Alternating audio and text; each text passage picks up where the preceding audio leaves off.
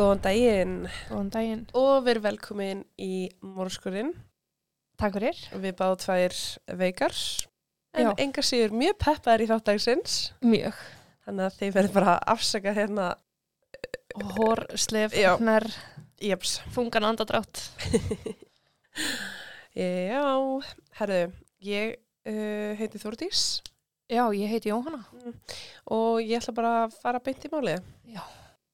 Og ég heyri náttúrulega ekki neitt. Ég er líka með hell, ég heyri ekkert. Nei, þið er með valheirn, hann er hugsa að skipta engum máli. Það er enda rétt. Þetta er bara betra ásökun fyrir mig. Ég ætla það bara að vinda mér í mál dagsins. En við erum komin til ásins 2001 og við erum í Los Angeles í Kaliforníu. Þar bjó hinn 22 ára Ashley Ellerin í Hollywood. Hinn, Hinn, hinn, kona. já, Já, ok. já, er líka kallmannsnafn, skilur. Já, já, já, já, bara eitthvað. Já, uh, hún hafði gríðarlega mikið áhuga tísku og hafði lagt leiði sinna þangað í von um fræð og frama. Hvað sagður þau fyrir ekki? Asli, Ellerin, Ellerin, ok. hún var metnaða fyrir stelpa sem var einbeitt og staður án í því að komast inn í Los Angeles Fashion Institute of Design and Merchandising. Já, þetta er lengsta nafn sem ég hef séð á skóla. Anyway, hún byrjaði að taka auka tíma í UCLA og fekk hlutastarf sem dansari í Las Vegas þar sem hún vann langar vaktir til að framflita náminu sinu. Hún bjó í íbúð með nokkru vinu sinum, stuttu frá Hollywood Walk of Fame og vegna vinnu hennar og áhuga á tísku þá byrja hún svona fljótt bara að fanga aðtegli frægra aðila. En hún var til dæmis að deyta Vin Diesel á okkur tímapunkti, ok, Abbo, mjög, bara einhver heitasti maður veraldar. akkurat. Og hún var líka að deyta Jeremy Sisto sem að leikur í Law and Order. En þau voru það alvarlega hann eitt skipti flaugun á kvikmyndasett til þess að fá hana til sín. Jeremy. Jeremy Sisto. Já. Já.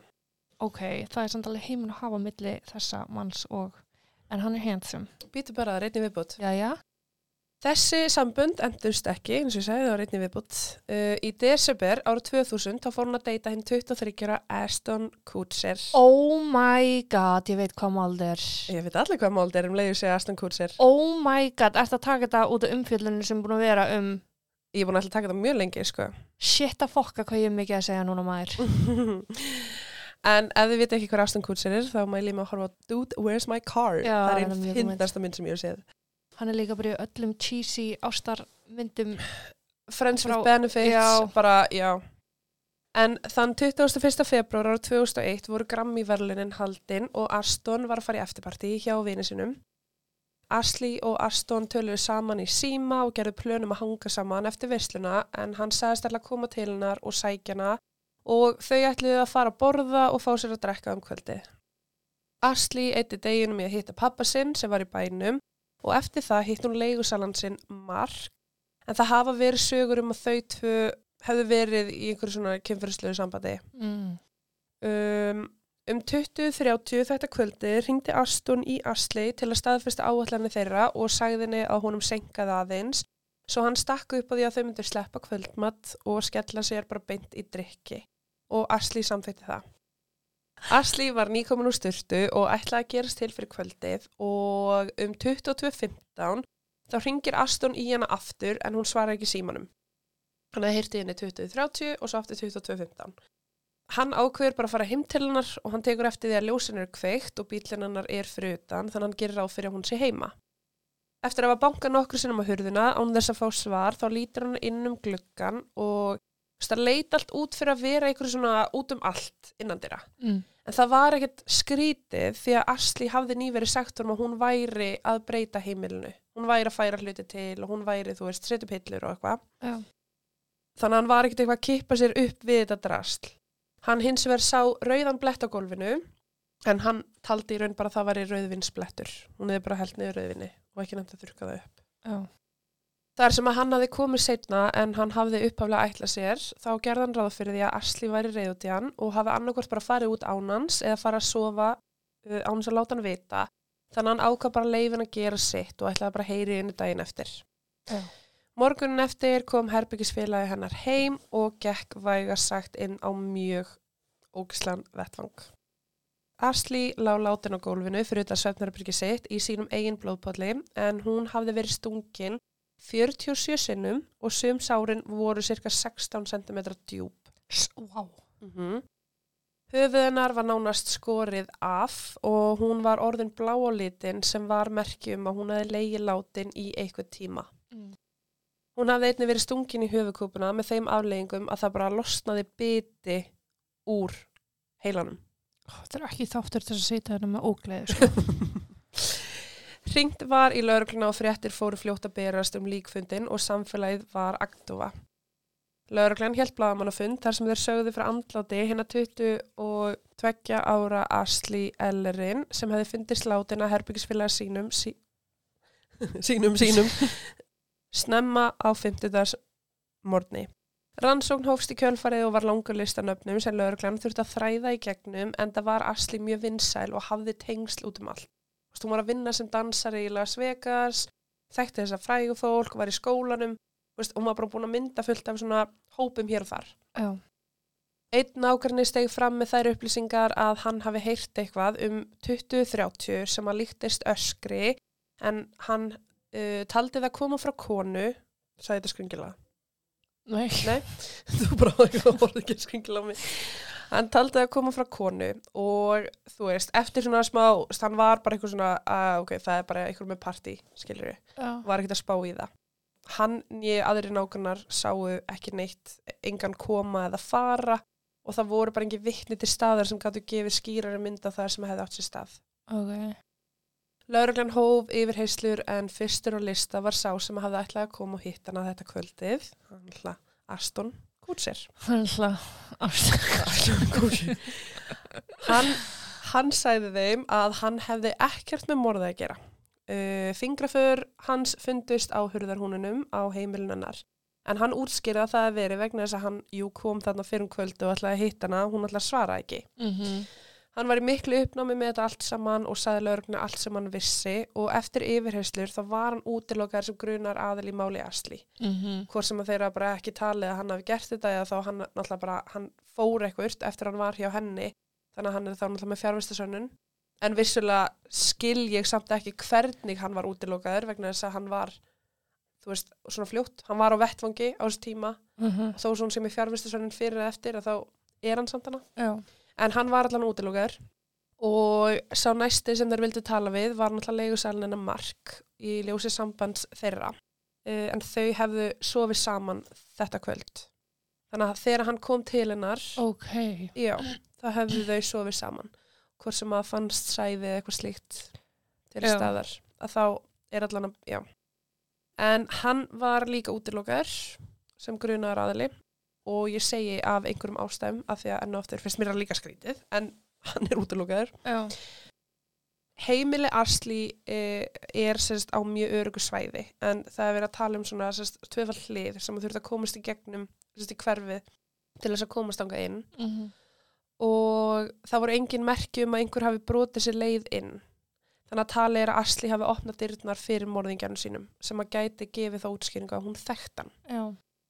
Eitt af nöfnunum sem poppaði reglulega upp hjá lauruglunni var nafnið Mike en engi vissi neitt um hann annað en að Asli hafði reglulega kvarta yfir honum þar sem hann var alltaf að hanga nálat heimilin hennar og í nokkur skipti mætti hann óbúðin heim til hennar.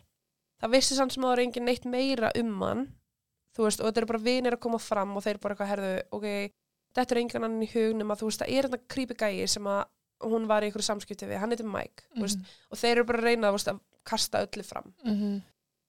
Og lögreglan byrjaði bara þá að reyna að finna út hver sem Mike gæti verið því að þeir náttúrulega vildi tala við hann. Á meðan að rannsókn var í fullum gangi uh, og eftir að nokkri mánuður liðu þá tókst þeim að hafa upp á manni sem þeir töldu vera Mike og þarna höfðu þeir tekið viðtöl við ótalvitni og aðra sem að þeim þótti grunaðir aðilar og eitthvað slíkt og það var bara rannsókn og svo finna þeir hennar Mike. Já. En Mike hétt Michael Gargiulo og þeir sem sagt fóru til hans ákveða að fá hann í skýslutöku. Hann var beðin um fjárvistasönnun og spurður út í tengslans við Asli og hann svaraði spurningum lauruglu og rannsóknin hjælt áfram. Og það var ekkert til staðar sem að bendi, eða sem að bendlaði Michael við morðið á Ashley. Ok. Rannsókn helt áfram og lauruglan var í raun bara svolítið svona á byrjunarreit. Þú veist, þeir höfðu engan grunaðan aðila, þeir, þú veist, voru ekki með neitt DNA sem að fannst inn á heimilinu, uh, morðvopnið fannst ekki inn á heimilinu, þú veist, það var ekkert sem þeir gáti í raun unni með, Nei, annað en bara að taka við til við vitni og sjá hvort það sé ykkur ósamræð með eitthvað slíkt. já. Það var síðan óvænt uppgötun þegar laurugludeildin fekk símtal frá Hvern, Flá! hvernig sett ég L í staðin fyrir R í þessa, orð Skrifaður þetta? Nei, Nei, ok. það stendur frá ég, bara, ég veit ekki hvernig ég fór að þessu Flá! frá laurugludeildinni í Cook síslu í Illinois að þeir höfðu nýverið opna rannsókn á kvöldumáli frá árinu 93 og voru að leita af aðila sem að var nú staðsettur í Los Angeles og þeir ringdu sérst í þessa lörgludel til að fá aðstóð. Þessi aðili hétt Michael Gargiulo. Mm. Lörglan í Los Angeles gæti ekki trúa því að þetta væri tilviljun að þeir væru, sérst að Michael hafi verið rannsakar fyrir morðið á Ashley og núna voru komið upplýsingar um það að hann væri mögulega bendlegar við gamalt mál í öðru fylki. Já. Um var að ræða morðið á henni 18 ára Tricia Passasio en hún hafi verið stungin um 50 sinum á tröppunum fyrir utan heimili fóreldra sinna. Sama mótis operandi. Já, jú. Förstarskvöldi 13. ágúst ára 93 hafði Tricia hitt nokkra vini sinna í kvöldmat uh, á okkur veitingastað og það var eitt af síðustu kvöldstundunum þeirra saman áður en að flestir myndi halda leið sinni í hérna ímsu háskóla.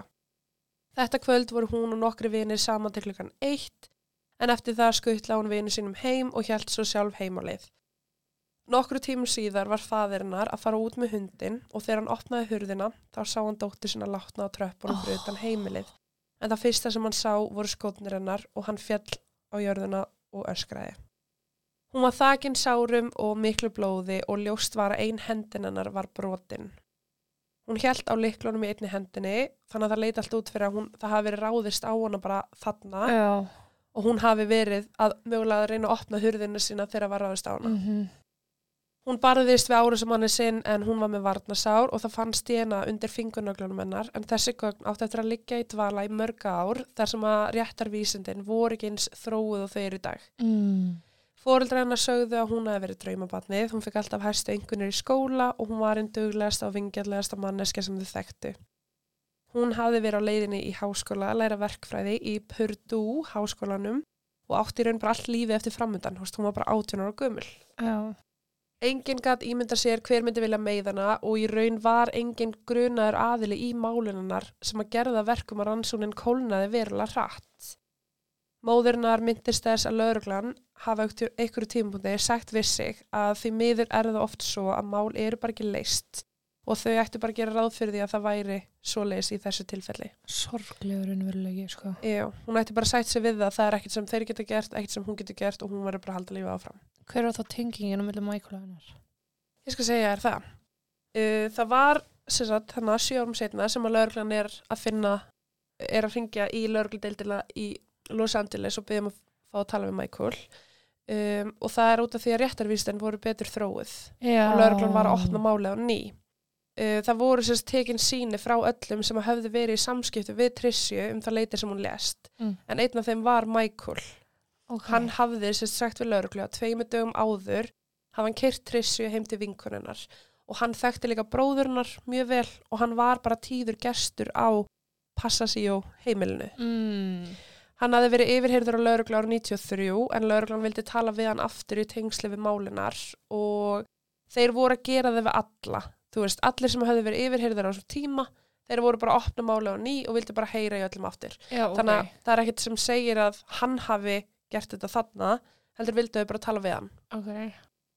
Þegar lauruglan bar saman morðið á Asli við morðið á Trissju þá var það, eins og þú sagðir, mjög líkt. Þær höfðu báðar verið stungnar til bana á heimilinu sínu eða við það og þar með vildi lauruglan í Los Angeles hafa hraðar hendur á að finna Michael. Og eftir nokkra mánaða leit þá náður loksis að hafa upp á honum en það fyrsta sem þeir vildu frá, vildu frá honum var DNA sína hans en hann neitaði því og sagðist ekki hafa neitt með morðin að gera. Viltu það bara ekki segja já og gefa lífsinni? Uh -huh. Þar sem hann neytaði og þeir voru ekki með heimild til að skikka hann til að gefa síni sitt, þá gat lögreglan ekki gert neitt annað en að bara láta þar með liggja. Þeir fylgdu sann sem áður með ferðumanns um stund og þegar þeir komist af því að hann hafi verið lagður inn á spítala á einhverju tímabóndi þá ákveðu þeir að nýta sér það svo þeir fóru þangað í þeirri vonum að geta fengið sérst DNA síni hans. Já. Hvort það sé einhverja nálar sem hann hafi verið stungin með, þú veist, eitthvað svo leis. Og það gekk upp og eftir langa byð eftir niðurstöðu þá komust þeir að því að DNAð hans passaði við DNAð sem að fannst undir nöglunum hennar Trissju. Ok. Tilviljun, ég held ekki. Nei, rannsakatum var svo létt að þeir fóru beint til ákjöruvaldsins til þess að fá gefn út ákjöru fyrir morðið á hendur Michael. En þeir var neitað uh, af því að saksóknari vildi meina að DNAð gæti alltaf hafa komið undir neglunar á Trissju þar sem að þau þekktust og þau hefðu hist hana tveimundum áður og að því að hann var tíðu gestur á heimilinu. Fárlega rögg að því hún hafði líka hitt kærista sinn og fyllt öðru fólki og DNAði þeirra voru ekki undir nöglunum hennar. Það var bara hans.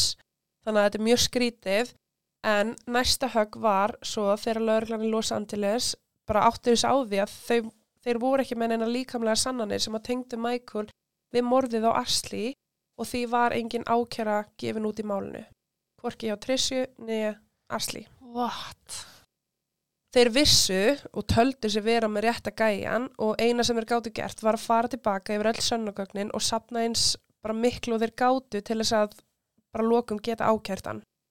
Þeir vildu því finna allar upplýsingar um personans, fyrir sambönd, valastað og sakaferil, svo hver var Michael og hvað hafði hann verið að gera síðustu ár. Michael Thomas Gargiulo fættist árið 1976 í rólu útkvarfi Glenview í Illinois. Hann kom á stóri fjölskyldu en hann átti sjöbræður og syst, eina systur en hann sagði frá því að hann hafði orðið fyrir miklu ofbeldi af hálfu föður síns en það hefur hann aldrei fengið staðfest. Það er bara eitthvað sem hann hefur sagt. Já, ok. Á úlingsárum var Michael mikið að leggja aðri einelti, hann var árasagjarn og skapstór og bara þekktur fyrir það að ljúa og íkja. Einn vinur hans myndist þess að hann gæti verið mjög glaður og svo eftir segundubrót orðið ansettin og reyður. Skapstór. já. Michael var ekki lengi að vera góð kunningi lauruglunar, hann var handtekinn stemma fyrir hluti eins og brjótast inn í bíla og fyrir líkamsáru sér. Hann dáði Ted Bundy og eitti óteljandi klukkustundum í að kafa ofan í bækur sem að fjalla um DNA og réttarvísti, bara forensic science og hann montaði svo ofta á því hver mikið hann vissi um slíkt. Mm. Hann sagði fólki að ef hann myndi eitthvað tímann fremja glæp þá vissi hann sko vel hvernig hann geti komið sér úr, úr því eða þá að hann myndi bara ljúa um það þar til hann myndi deyja. Við skrítið, Já. svo skrítið samræður, ég veit ekki. Hmm. Eftir að Tricia var myrt ára 93 byrjaði fjölskyldanar að fá gjafir frá Michael. Uh, Rick, faðurnar, fekk stuttarmaból og gjafabrif á veitingarstað en Diane, móðurnar, fekk blóm. Michael mætti einni heim til þeirra eitt skipti og baði um að fá að tala við Rick og það leita allt út fyrir það að hann hafði eitthvað merkilegt að segja þeim. Rick var ekki heima þannig að hann beigð í klukkutíma eftir að Rick myndi koma heim og þegar hann kom heim að þá fór Michael hans að segja eitthvað. Og þú veist, Diane var bara eitthvað, uh, þú veist, hún var ekkert eitthvað að spjalla við Michael þannig sem hún var, þú veist, hann vildi bara tala við Rick Uh -huh. hún var eitthvað svona, þú veist, að hvað segir gott Michael minn, eitthvað lala en svo bara kem, kemur Rick heim og hann bara, bæjó okay. greinlega hætt við að segja það sem hann ætlaði að segja en Rick og Diane, þeim fannst þessi hegðun mjög undarleg og eftir þetta skipti þá ringdi þau í laurugluna með þessa ábyrtingu og lauruglan bara aðhófst aldrei neitt varandi hann og þau fylgdu sér ekkert eftir Mm. Þetta er bara sirkjandi vinur og ekkert sem þeir geta gert í því Ok. Hversu ógislegt er þetta kaffárið? Já, þetta er ekkert eitthvað að besta. Drekkjanlegt samt. Drekkjanlegt. Jeps. Það var svo árið 97 sem að lauruglumenn sáðu annað tækifæri til að fá Michael til að tala um Trissi. En það var þá sem hann hafði verið ákjærður fyrir að stela bíl og lauruglan gaf honum möguleika á samning ef hann myndi segja þeim þar sem hann vissi um morðið á Trissi. Trissi. Já. En hann var bara frekar rólur og sagði ekki neitt. Þannig að hann í raun hafnaði þessum samning enda full fær um að gera sig grein fyrir því að hann myndi fá læri dóm fyrir þjófnaðin heldur en fyrir morð. Fyrrum kæristur hans höfði ekki góða sögur af húnum að segja en einn þeirra sagði lauruglu að þegar hún var 17 ára þá hafa hann á einhverju tímpúti handjáðna hana og nauðka henni. Önnur fyrir, Hvað ertu bara í sjokki eða? Já. Þú veist bara, ég hef aldrei séð mér hjá opinn munn að horfa á mig. Þú veist, ég kæmi sko vassflöskunum minni inn í kæftinu og akkur núna. Það, ég held að hluta þessi svona, ég er drullu dofin, sko. Já, já, það getur verið. Ég er svo feginu svo mikið mynd, sko. Ágríns. Ég er líka bara eins og Frankenstein í hálfa andlutinu sko. Ég seti sko brunkukrimi alltaf, það, ger, það gerir mér ekki neina var henni komið á. Önnur fyrirverandi sagði að hann hafi einu sinni slegið hana svo fast að það kom rof í sjónhimnuna. Detached retina. Ég kom með þetta á ennsku því ég veit ekkert og það var mjög erfitt fyrir mig. Þetta er í auganu. Ok? En ég veit ekki hvort sé rof í sjónhimnu, það er bara eitthvað sem ég fann út. Já, Þetta retina, heitir já. detached retina. Já, segjum það bara, innan ekki pæli. Já. Hann hafði þá hótað þeim lífláti að þær myndir segja eitthvað og sagði að hann myndi komast upp með morð á þeim vegna viðtakrar þekkingar sinnar á réttar vísendum. Hvað er að? Allt. Árið 98 ákvað Michael elda, eldast við drauma sína og flutti til LA þar sem hann vildi verða leikari og fyrirsæta. Hann fekk fljótti vinnu sem dýraverður á Rainbow Bar and Grill á Sunset Boulevard í vestur Hollywood. En stuttu eftir að hann var ráðinn var hann rekin fyrir það að berja viðskiptavinn í andliti. Ha? Já. Á þessum stutta vinnuferli sínum hafði hann samt sem áður vingast við tvo aðra dýraverði og þeir sögðu frá því að Michael hafi einu sinni spurta á hvort þeir hafi nokkuð tíma drepið eitthvað og viðkendi í leiðina að hann hafi myrt konu að nafni Tricia árið 93. Ok, það tilvílunar eru búnar. Já. Hann sagðist að var drepið hana fyrir tröppur, tröppurnar á heimilin hennar en með orðspor um að vera legari og að íkja mjög mikið þá Mm. töldu mennirnir að þetta væri bara ein af ósönnu hetjusögunum hans. Veit ekki hvort ég myndi kalla það hetjusögu. Nei, en með hvernig hann talaði. Já. Haustið 2000 hitti Michael Astley en hún bjó handan við götunar frá heimilun hans. En það var sérst eitt skipti sem að hún var með sprungið dekk og Michael bauðst til að hjálpa henni að skipta um það og í kjölfari skiptust þau á símanúmurum. En það var Michael bara mjög sætur og hjálpsamur strákur. Þessi stuttu kynni urði fljótlega að þráhyggju en ekki leið á löngu þar til að hann var farin að reyna heimsækjana á öllum tímum sólarhingsins þar sem hann satt fyrir utan heimilennar í bílinu sínum og beigði eftir því að hún kæmi heim. Þrátt fyrir að eiga sögum að vera óbylsfutur í garð kvenna og þrátt fyrir þessa DNA samsverun að þátt eftir að líða ansi mörg ár þar til að var eitthvað gert í málinu en þarna erum við komin ára 2005 og lögreglan er ennþá að reyna að púsla saman máli gegn honum og þeir vissi ekki hvort þeir væri með nóg til þess að leggja fram ákæru. Það var svo á þessum svipaða tíma sem að annar skjálfilegur glæpur átt sér stað en 32 ára fjögrubarta móðir að nafni Maria Bruno var að hefja nýtt líf í íbúð sem hún hafði nýverið leikt í samstæðu í austur Los Angeles. Hún og eiginmaður hennar voru skilja og flutti hún á nýjan stað í vonum að eiga þar góða tíma. Hún hafði eitt miklu tími að velja þessi íbúð sem að hendaði og þessi varð fyrir valinu vegna þess hver örgun var fyrir hana og börnin en hún átti tvíbura sem voru tveggjara, eitt fjörara og eitt fimmara. Já. Aðeins tíu dögum eftir hún flutti inn eða þann 1. desember ára 2005 þá fannst hún látin á heimilinu sinu. Fyrirverandi eiginmaður, hennar hafði komið að limlestu líkjanar og ringt í neðlínuna. Shit. Hún hefði verið stungin 17 sinnum og hálsin hennar var nánast bara skorin í sundur en bæði brjóst hennar höfði einnig verið skorin af. Eina vísbendingin sem að fannst nálægt vettfangi var sagt hvort þetta sé svona blár læknaskór en ég held að þetta sé blá svona skólíf eins og við fáum í sundi Já. svona úr plasti. Já, já. Já.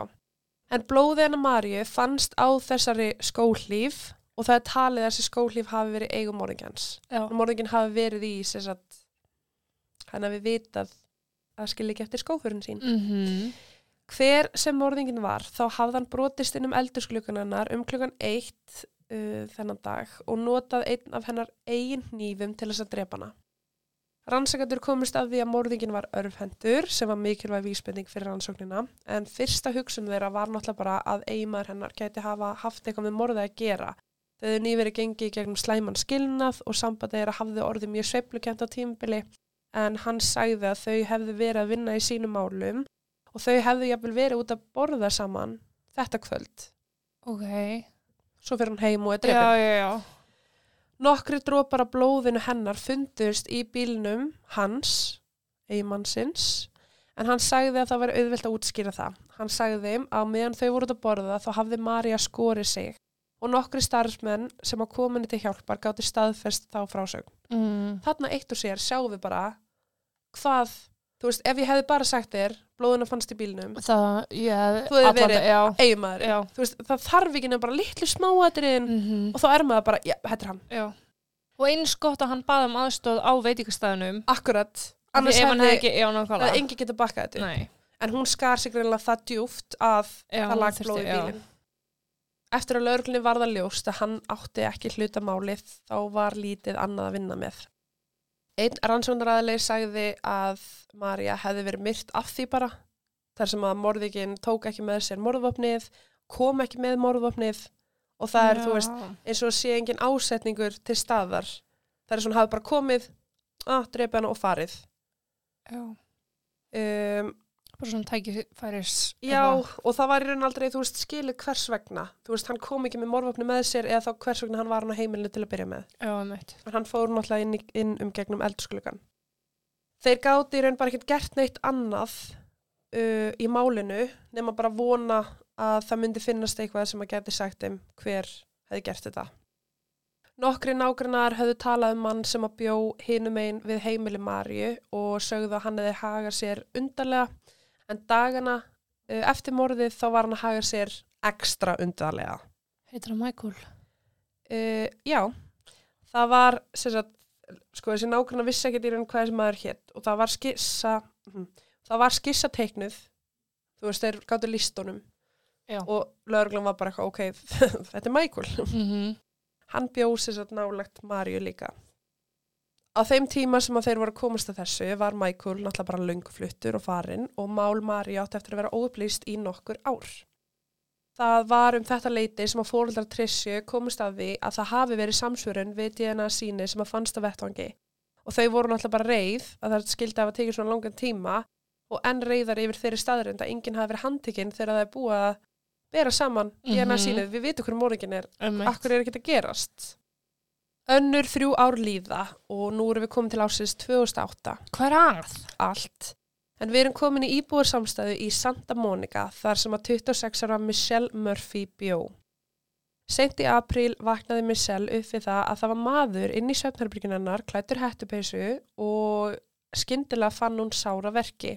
En maðurinn byrjaði sérst bara að stinga hana með hníf. Michelle var smávaksinn, hún var einn í kringum 1,54 á hæð og áður en hún vissi af var hún að berjast fyrir lífi sinu inn á sinu eigin heimili gegn einhverjum sem að komin í gjörsala að óverum. Hún greip í hnífsblaðið með báðum höndum Oh, jeps, og reyndi að fá hann til þess að missa hnífin og öskraði svo hátt að hún vissi að það væri bara tímaspyrsmál hvenar einhver myndi heyra í henni. Í síðustu tilruninni til að ná honum af henni með þeim styrk sem hún átti eftir þá stakk hún hnjönum sínum, njánum, já. saman. Hún stakk þeim saman og svona í bringun á honum og síðan ítt hún fótunum út með þeim afleggingum að hann datt aftur og bak og úr rúminu. Já, hún svo spyndi hann. Eftir það þá átti hann sér bráði að þetta væri búið spil þannig að hann hljóp út úr herbygginu og á leiðinu út þá sagði hann I'm sorry. Nú, Já. Michelle var skilin eftir blæðandi í sinu eigin rúmi en hún lifði árusuna af þar sem hún náði að hafa samband við kærasta sinn og lörglu. Það leit allt út fyrir að árusumadurinn væri örfhendur og sem betur fer hafði hann verið skorinn með hnýpnum sem að gerða verkum að hans blóð fannst á vettfangi. jæja. Þegar þeir rendu DNA sínu gegnum gagnagrunnin þá fund, fundu þeir samsvörun en það var eiginmaður Marju. Djók. Ég, vá. Svipurinn. Sorry. Nei, sem að DNA sínið var vissulega sama DNA sínu og fannst undir nöglunum hennar Trissju Mm og sama DNA sínið sem að passaði við bláu skóhlífarnar sem Já. að fundist nála heimili, Marju. Michael var alls ekki að hægja á sér þrátt fyrir að hann hafi verið undir radar eða smásjá lauruglu en eftir tæp 15 ár af frelsi þá var loksis komið að endalokum. Í júni árið 2008 var hann handtekinn fyrir tilrönd til mandráps og hann fekk tryggingu upp á 1,1 miljón dollara sem að bara ekki sens fyrir hann að borga. Nei. Við leiti bílnum hans fundust vissulega margir áhugaverðir hlutir en þar á meðal voru bláar skólífar. Mm. Þremur mánuðum síðar var Michael einni ákjærður fyrir morðið á Asli og Marju en það myndi líða nokkur ár eða til ásins 2011 sem hann yrði ákjærður fyrir morðið á Trissu. Og það er vegna þess að máleganar hafði átt sér staði í Illinois en mál Asli, Marju og Michelle í Kaliforníu. Þannig að hann þurfti að fara í tvö aðskilin réttaröld í tveimur fylgjum þannig að þeir byrjuði í raun á þeirra máli og svo eru þið tekið við og hann framseldur Sko, lögreglan bókstala leiðunum að verða raðmörgja. bókstælega, já. Michael, eins og alltaf neitaði sök, kom ekki nálægt þessu. Og eftir margar hindranir, þar sem hann var meðal annars að ráða á reyka lögfræðinga og nokkra tilraunir til flótta úr fangelsi, þá var í raun loksis koma réttarhöldunum í mæ árið 2019 í Kaliforníu. Hættu? Jeps. Vá. En það er sko talað um að það tók hann lengri tíma að fara fyrir rétt heldur en nokkun annan fanga í sögu Los Angeles. Hann hefði getið verið búin að sitja á sig sko 20 ára dóm Akkurat. fyrir fyrsta morði, eða rúmlega. Jeps. Sem er alveg bara stúpid á honum, skilju. 26 ára dóm. Var ekki, tvö, nei, 93. 2001 2001. sem að sko Asli var drepin. Já, en Trisha 93, eða ekki? 93, jú, en þetta er náttúrulega ekki, veist, það, Já, en ég er að segja, ef hann hefði verið handtekinn fyrst og, veist, uh eftir fyrsta morði, það þú veist, það er bara dómur fyrir morð já, þar. og það er líka að tala um sko að því að ég kem að því eftir, sérst, náttúrulega löggjöfin í Kaliforníu er alltaf öðru seldur en í Illinois. Illinois, þú veist, hann væri að fá 25 ár með reynslulust. Já, þetta er 26 ánum setna. Já, þannig að hann væri, ef hann hefði verið tekinn fyrir morð á Trissu bara strax í byrjun, þá hann væri hann búin að sitja Já, nákvæmlega. basically. En lögfræðingar hans sögðu náttúrulega bara að hann hefði þjáðast að gera sjúkdómum og hann gæti ekki muna hvað hefði gerst og gæti ekki svara neinu og það var í höndu kviðdóms ákveða þetta og, og kviðdómur, sem sagt, byrjun á rétturhöldunum er að kviðdómur þarf að komast þeirri niðurstöðu hvort hann sé sakhafur og hvort hann geti yfir höfuð gengið í gennum rétturhöld. Ok, Þessi sami uh, kviðdómur þurfti síðan að komast að því hvort hann væri segur eða saklaus og hvort hann ætti yfir höfuð sér döðarafsíku eða lífstegafangilsi. Ef hann væri sekur. Mm. Þetta er alveg, þetta er í mörgu skrifum. Eftir sagt, að hann var handtekinn þá var hann í yfirrisli hjá lauruglu og hann sagði eitt komment sem að let lauruglu trúa því að hann væri ábyrgur fyrir mun fleiri morð. Uh, hann sagði þrátt fyrir að tíu konur hafi verið myrtar og DNAði mitt hafi verið á vettfangi þá þýði það samt ekki að ég hef drepið eitthvað. Tíu? Já. Mm. Það er það sem hann sagði við lauruglu. Ok. Og það letur rannsækjöndur trúa því að það væri mun fleiri fórnalum til staðar heldur en Asli, Tricia, Michelle og Marja. Mm En hann var sagt, einungis ákjörður fyrir þess fjögur mál. Já. Michelle let ekki eins og lífið. Nei, já, þetta. Þannig að þú veist, hvað með þessar átta Já. aðrar konur sem eru bara mjög líklega í dag óupplýst eitthvað staðar Mm sem er bara hræðilegt að vita til þess. Michael eitti næstu í 15 árum í að plana fullkomin tækifæri til þess að ráðast að konur með hníf í kringum heimilegra eða inn á þeirra heimilum. En Michael var giftur og hann átti börn og hann lifði því bara tvöföldu lífi. En sonur hans mætti meðal annars fyrir dóm og þar grátbaðan kviðdóm um að gefa föður sínum ekki döðurafsöku. Því hann vildi ekki missa föður sinn. Nei, hann þarf þó bara að játa, þá færi hann ekki döðarafsíku. Mm -hmm. Jeps, jeps, jeps. En sko þegar rétturhöldin eiga sér stað að þá er sonur hans Michael 16 ára gamall. Þegar hann er að koma fyrir dóm og er að grátbeða þá um að Þannig að hann er búin að morðingi all líf svona síns. basically það sem er mjög áhugavert er að þú veist, við rétturhöldin það er ekki til eitt einasta sönnugagn sem að bendlar Michael við morðu á Asli. Nei, Það er ekkert til staðar nema bara Tengst. mótus operandi Já, á hinum málunum og hann bjó hinum einn við götuna. já. Það er að eina. Þannig að veist, þetta er, mér fannst alveg mjög skrítið að það væri verið að gangi gegn með sérst, þá ákæru Já, og að þau bara treyssir í það vegna þess að kviðdómur, þú veist, ég veit ekki. já, nei, hárið tjáður sko. Já, en þetta voru sérst 36.000 blaðsur af gögnum sem voru kynnt kviðdóm með og um 100 vitna voru köllu til að bera vitni. En þar á meðal var Michael, þar á meðal var Michelle sem hafði lifað árið svona Já, og Aston Kutcher sem var þá 41 ás. Aston mætti fyrir rétt í bláum jakkafötum og virtist mjög stressaður en hann talaði í aðeins 20 mínútur og vitnisspurður hans var mjög mikilvægur fyrir ákjæruvaldi var þetta mál Ashley. Mm. Þess að hann hafði sagt þeim frá því að hann hafði náttúrulega hringt í hann 2030 og svo 22.15 svara hann ekki og þegar hann mætir þá sér hann meðal annars rauðan blett á gólfinu. Þannig að þeir geta svolítið svona gert ráð fyrir að þarna sé hún nú þegar látin þú veist og alls konar svona Ákæruvaldi málaði síðan mynda Michael og þeir lístu fortið hans en svo staðurind að hann var örvend, örvendur og var á einhverju tímapunkti tengdur við allar þessar konur að það gerði hann bara grunnsalega hann bjó nálægt þeim öllum. Kviðdómur yfirgaf réttarsalinn og fór að skoða sérst íbúrhúsin til að fá skýrari myndaði hver nálægt hann bjó. Þeir fengur sérst að sjá heimili Michelle og Ashley og hvar Michael hefði verið búsettur þá. Og það var það nálægt að hann gætt vel fylgst með heimilu þeirra frá sínum heimilum. nei. Jú, þú veist, í hvert einast skipti, þú veist, með alla. Af einhverjum ástæðum fengi hann ekki að sjá heimili Marju, eða þeir fengi ekki að sjá heimili Marju. Kviðdómurinn? Já. Já, ok. hvort að þá fjölskyldan búið þar ennþá og það er bara eitthvað persónu vendi eitthvað darara, þú veist hvort af eigimarnan að flytta íbúðuna eitthvað, ég veit ekki en Nei. það er allan einhver ástæð að þau fengi ekki Lögfræðingar hans reyndu að hamra það inn í kviðdóm að hann hafi ekki komið nálægt morðinu á Asli og eins og ég sagði, það er engin líkamlega sönnugögn til staðar eða það eru bara engin sönnugögn yfir höfuð. Ekkert vitni, ekkert díana, allt bara byggt á fortið hans og staðrindum Þá reyndu lögfræðingar hans að koma sök á leigusaluninnar Mark en hann hafði jú verið sá síðastu til að hitta hana og þau höfðu sofið saman þetta kvöldið. Þeir sögðu að það væri full sannað þar sem að Aston hafði sagt að hún hefði verið nýkomun styrtu þegar þau töluðu saman og Mark viðkendi að hafa verið hann á þeim tíma sem að hún var að fara úr styrtunni og hún fannst þess að látin í baðslafnum. Hún hafði ekki náðu að klæða sig Já, hún já, já, í ljósi þess að hún var myrt fljótlega eftir að hún kom styrtu eða um 20-30 þegar nágrann hirðan að öskra að þá töldu þeir að Mark væri sá seki.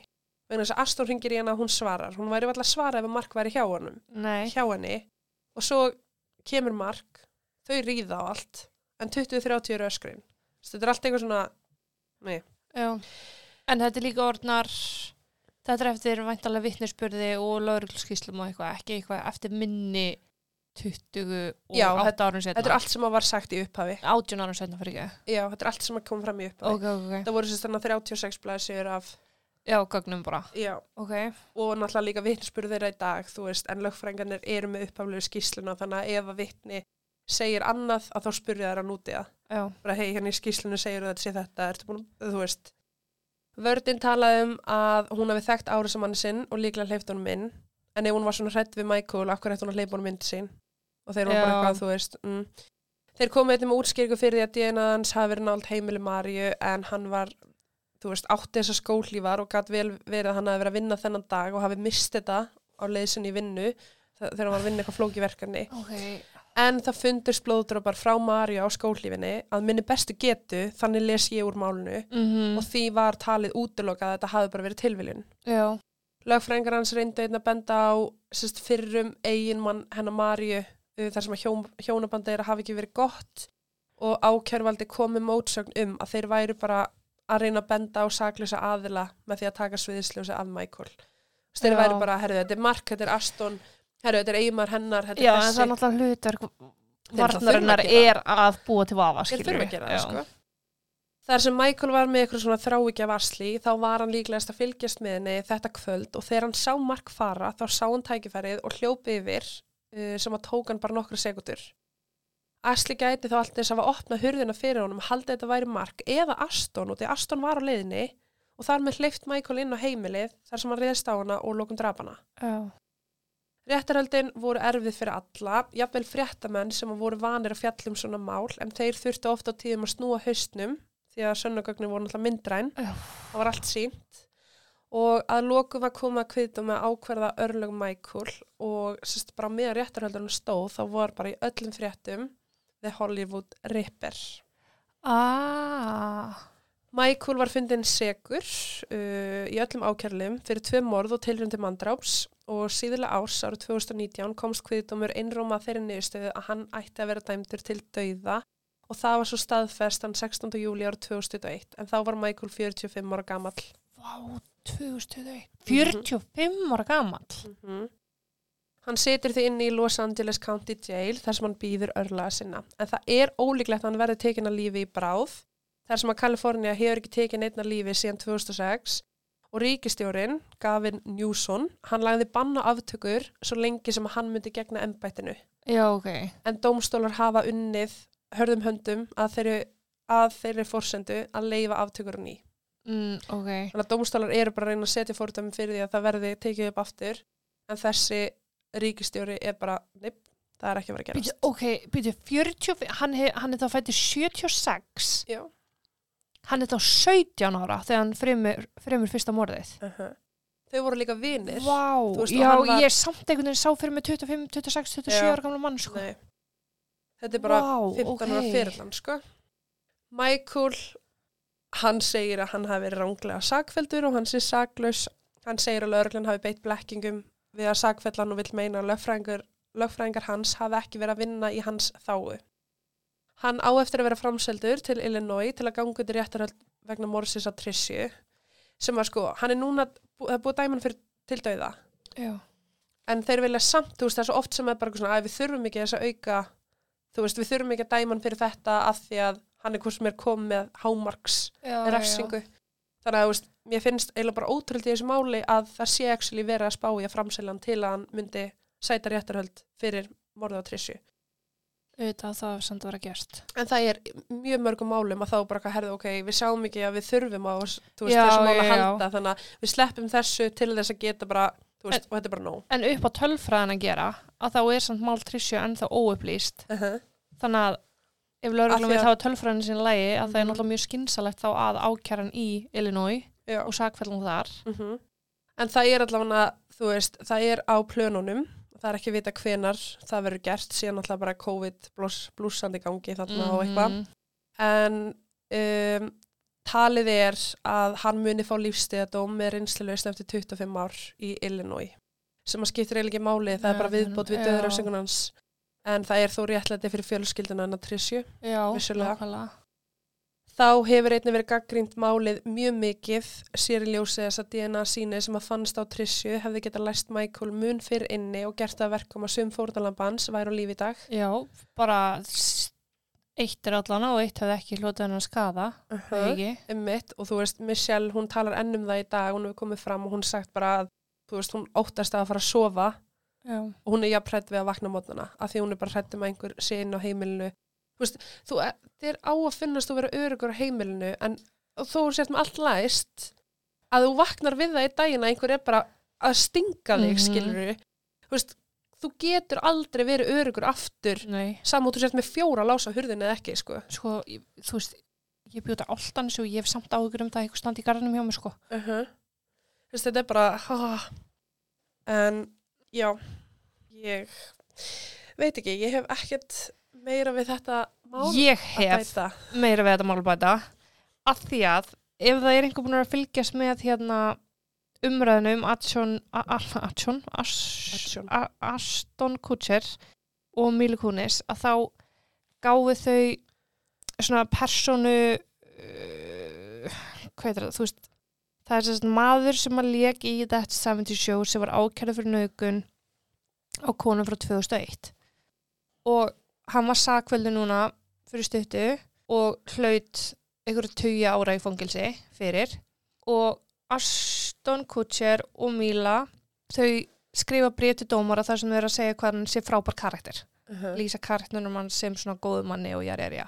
Mhm. það, var, það fyrir alltaf hliðina, það var alltaf brjálað Já. að þetta er maður sem ákjærið fyrir naukun á þreim eða fjórum konum að hann hafi sko byrlaðum Mhm. og misnotaðir Bara nákvæmlega eins og þegar Robert Downey fekk uppreist, æru, já, já uppreist æru. en þarna átti þess að þetta var gert í þeim tilgangi að hann fengi mildari dóma því það lág svona frekar skýrt fyrir að hann yrði sakveldur Mm -hmm. miðað við gögnum sem voru til um, það fyrir alltaf hliðina að því að Aston og Mila Kunis eru með fyrirtæki eða svona uh, stopnun, nei hvað hérna, Góðgerða samtök. já, eiginlega sem heitir Thornton, Thorn það allan að þetta er þess að uppræta kynfyrirsofbeldi kakkur börnum og net ofbeldi að fólk á að setja myndir og annað til þess að reyna að koma að stað finna kynfyrirsafbrotum menn Uh -huh.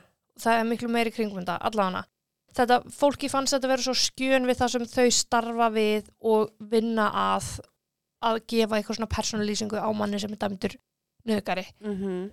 Í kjölfarið fer umræð um nákvæmlega þetta mál um Asley og Aston er sagður hafa sendt ykkur skilaboð á þennan vinsinn sem að er dæmdur nöðgari kvöldi sem hún er myrt já, og það eru sögusagnir að það fara að koma upp einhver skjöl og annað mm. sem að mögulega bendla Aston við málið. málið hennar Asli. Já, og þetta er allt saman búið að Twitter, ég er náttúrulega ekki búin að seifa þetta neitt þannig að þið mitt ekki huga að vera að fara að taka þetta mál, ég vildi óska sér að seifa þetta núna en það er sem sagt bara svona svolítið samsæriskenningar um að já, það kom bara eitthvað upp sem að tengist honum.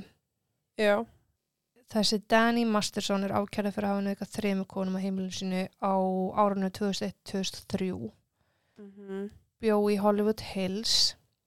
Kærasta Danny já, postaði á Instagram story skilabóð sem stóð Dear Aston, I know the secrets your role model keeps for you, já, ones that would end you.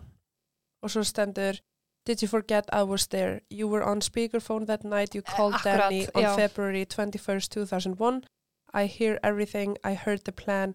In my opinion, you're just as sicko as your mentor. já, Og það er talað um að hann sé að fjalla um morðið á Asli Já. sem að lést þarna þennan dag. þannig að það er allt logandi sko Já, og hún, hún segir líka uh, hann var í bílur sinum í meira en klukkutíma fyrir utan heimili Asli að tala við managerinn sinn um hvað hann ætti að gera til að vernda sinn feril og sitt. Já. þessi umræða kom sko líka upp þegar hann tó, þegar hann hérna fór í Two and a Half Men Já.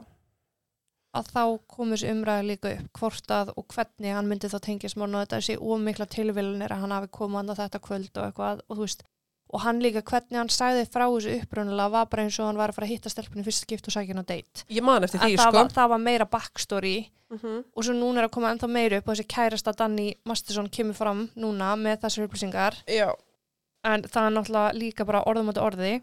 Sko það, já, það er algjörlega orðum átt orðið en þau sko byrjuðu að deyta Aston og Asli byrjuðu að deyta í desember 2000 Já, og þannig hún er drefin í februar 2001. Þetta Já. er á minnstakosti þrýr mánuðir sem þau eru að deyta. nákvæmlega en, en Aston leta lítið út eins og hann hafði aldrei hitt hann áður fyrst þetta kom upp til tals og þetta var rosalega mikið haldið þessu bara on the down low Uh -huh. þú veist, Sko því ég einhvern veginn man eftir umræðinni og þá var þetta bara eitthvað, já, hann fóð bara eitt deit með þessari konu og Já. svo var hann myrt. nákvæmlega. Þú veist, en þau voru búin að vera að deita í einhver tíma, sömulegis var hann alltaf svo við öðrum gæja, þau voru greinlega official, Já, þú veist, en þetta er samt þryggja mána, þú veist það sem þau þekkjast. Og mér minni meiri þess að fyrsta umræðan hafi verið að þau hafi verið á deiti hann hafi skilað henni heim og hún hafi verið mér saman kvöld. En svo þegar þú veist, fleiri upplýsingar komum um þetta því að Aston sjálfur var ekkert eitthvað bílaslega frægur akkurat þarna held ég. Nei, ég man ekki hvernar þetta 77, jú, reyndar hann hefur verið það því að þetta 77 er í gangi þarna þegar að, Þe í, þegar morðin er stað framin. sko. En er, Danny er þessi gæji sem að hann skrifaði bref fyrir? Já. Já, Danny Masterson já, og það líka getur litið þannig út að Danny viti eitthvað um hann og það sé þess ástæðan vegna hann fyrir hefur hann verið að skrifa þetta bref, já. Já, hann hafi bara talið hann- sig þurft að gera það, annars myndi Danny koma fram með eitthvað upplýsingar sem að Já, Aston er búin að segja sig úr, hann var í stjórn þess- þessa fyrirtækis, mm Thornton, held, langar, nennar að googla Thornton.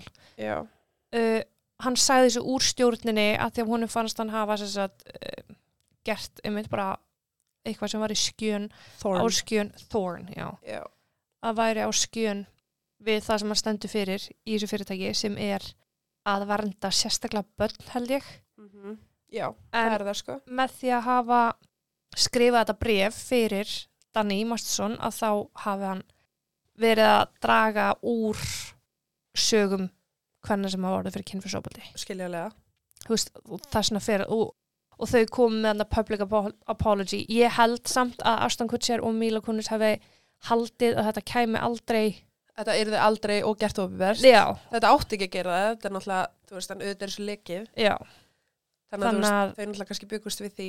Þú veist, ein, þú veist, eitt sem ég skil alveg er Þegar þau voru komið þessa hana afsökunarbeinu sína. Mm -hmm. Þú veist, einu parturinn sem ég skildi var þú veist, að þau þekki hann sér góðan mann en það þýðir samt ekki að hann sé góðan Nei. maður. Þó svo þú, þó svo ég þekki þig sem bara góðu Mhm. Jóhannu þá þú veist, eða skilur hvað ég meina? Ef ég myndi gera eitthvað af mér mm -hmm. þá, mynd, þá ætti það að láta þig draga í efa það góða í mér akkurat, ekki það vonda sem ég gerði já, skilur mig? Einmitt. Og það sama hefði þetta verið í Aston og Mílu. Þau hefði ekki átt að vera eitthvað nú ok, ha, gerði hann þetta? En hann er svo góðu maður. Já, það er bara frekar, vá, hann er ekkert það góðu maður hann gerði þetta, mm skilur við þannig að, nei, en líka bara þú veist, það sem að hræði mig við það eða þetta er það er ekkert sem að bendlar Michael við morðið á Ashley. Nei, eina sem gerir það er bara að þetta er bjóðana eðlislíkt, hann bjóð hana, hann var með þrágjafinni, jú vissulega.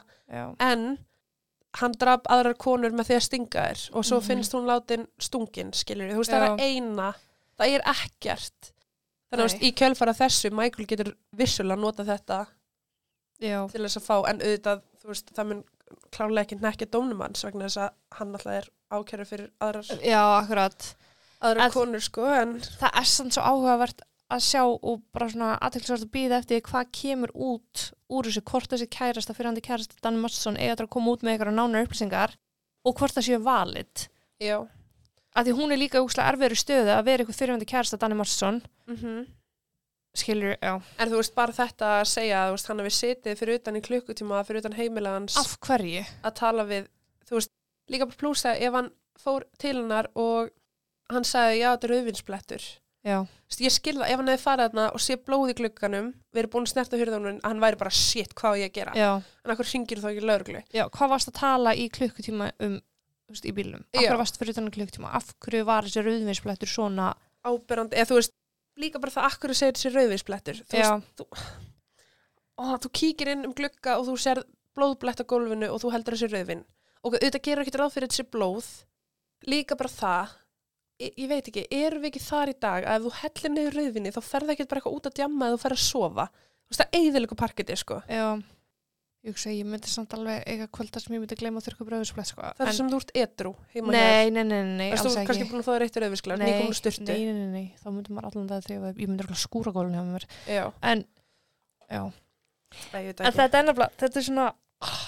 og hann alltaf var með aðganga heimilinu skilur, en sömulegis vill maður ekki trúa því Aston hafi nei, ég veit það, en þú veist, en svo veit maður ekki neitt, af því að það er, þetta, það er svo mikið klíkuskapur alveg eins og fólk vildi örgulega ekki heldur trúa því allar þessi leikstjóra sem eru núna, þú veist, búið sakfella og eru í fangilsi fyrir ógæsla kynfyrir árasir, mm -hmm. að þeir hafi gert það og líka, þú veist, og þegar fólk lítið tilbaka, það hvað, hann var bara flörti, hann var bara, þú veist, hann var bara, Slefti því þá Slefti því að vera fokkin flörti já, en þú kannst veist, ekki haga þér hugsunarhátturinn fyrir 20 og 5 árum síðan var bara allt annar en er í dag. uh -huh. Fólk horfði á þetta bara, æ, hann er bara svolítið paralur, æ, hann er bara svolítið flörti. Já. Nei, hann er að brjóta lög, Uh -huh. þú veist. Skiptir ekki máli hvernig þú segir frá sögunni. Hann, Einmitt. hann var að brjóta lög, Já þú veist.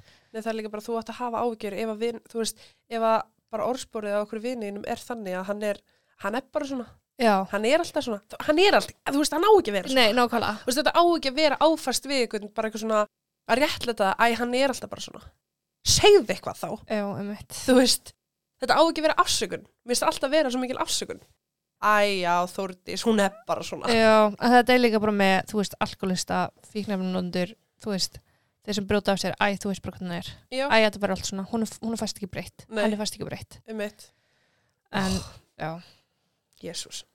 En já, það verður alveg áhugavert að fylgjast með framvindu mála hvort að það kom eitthvað meira út með þetta. já.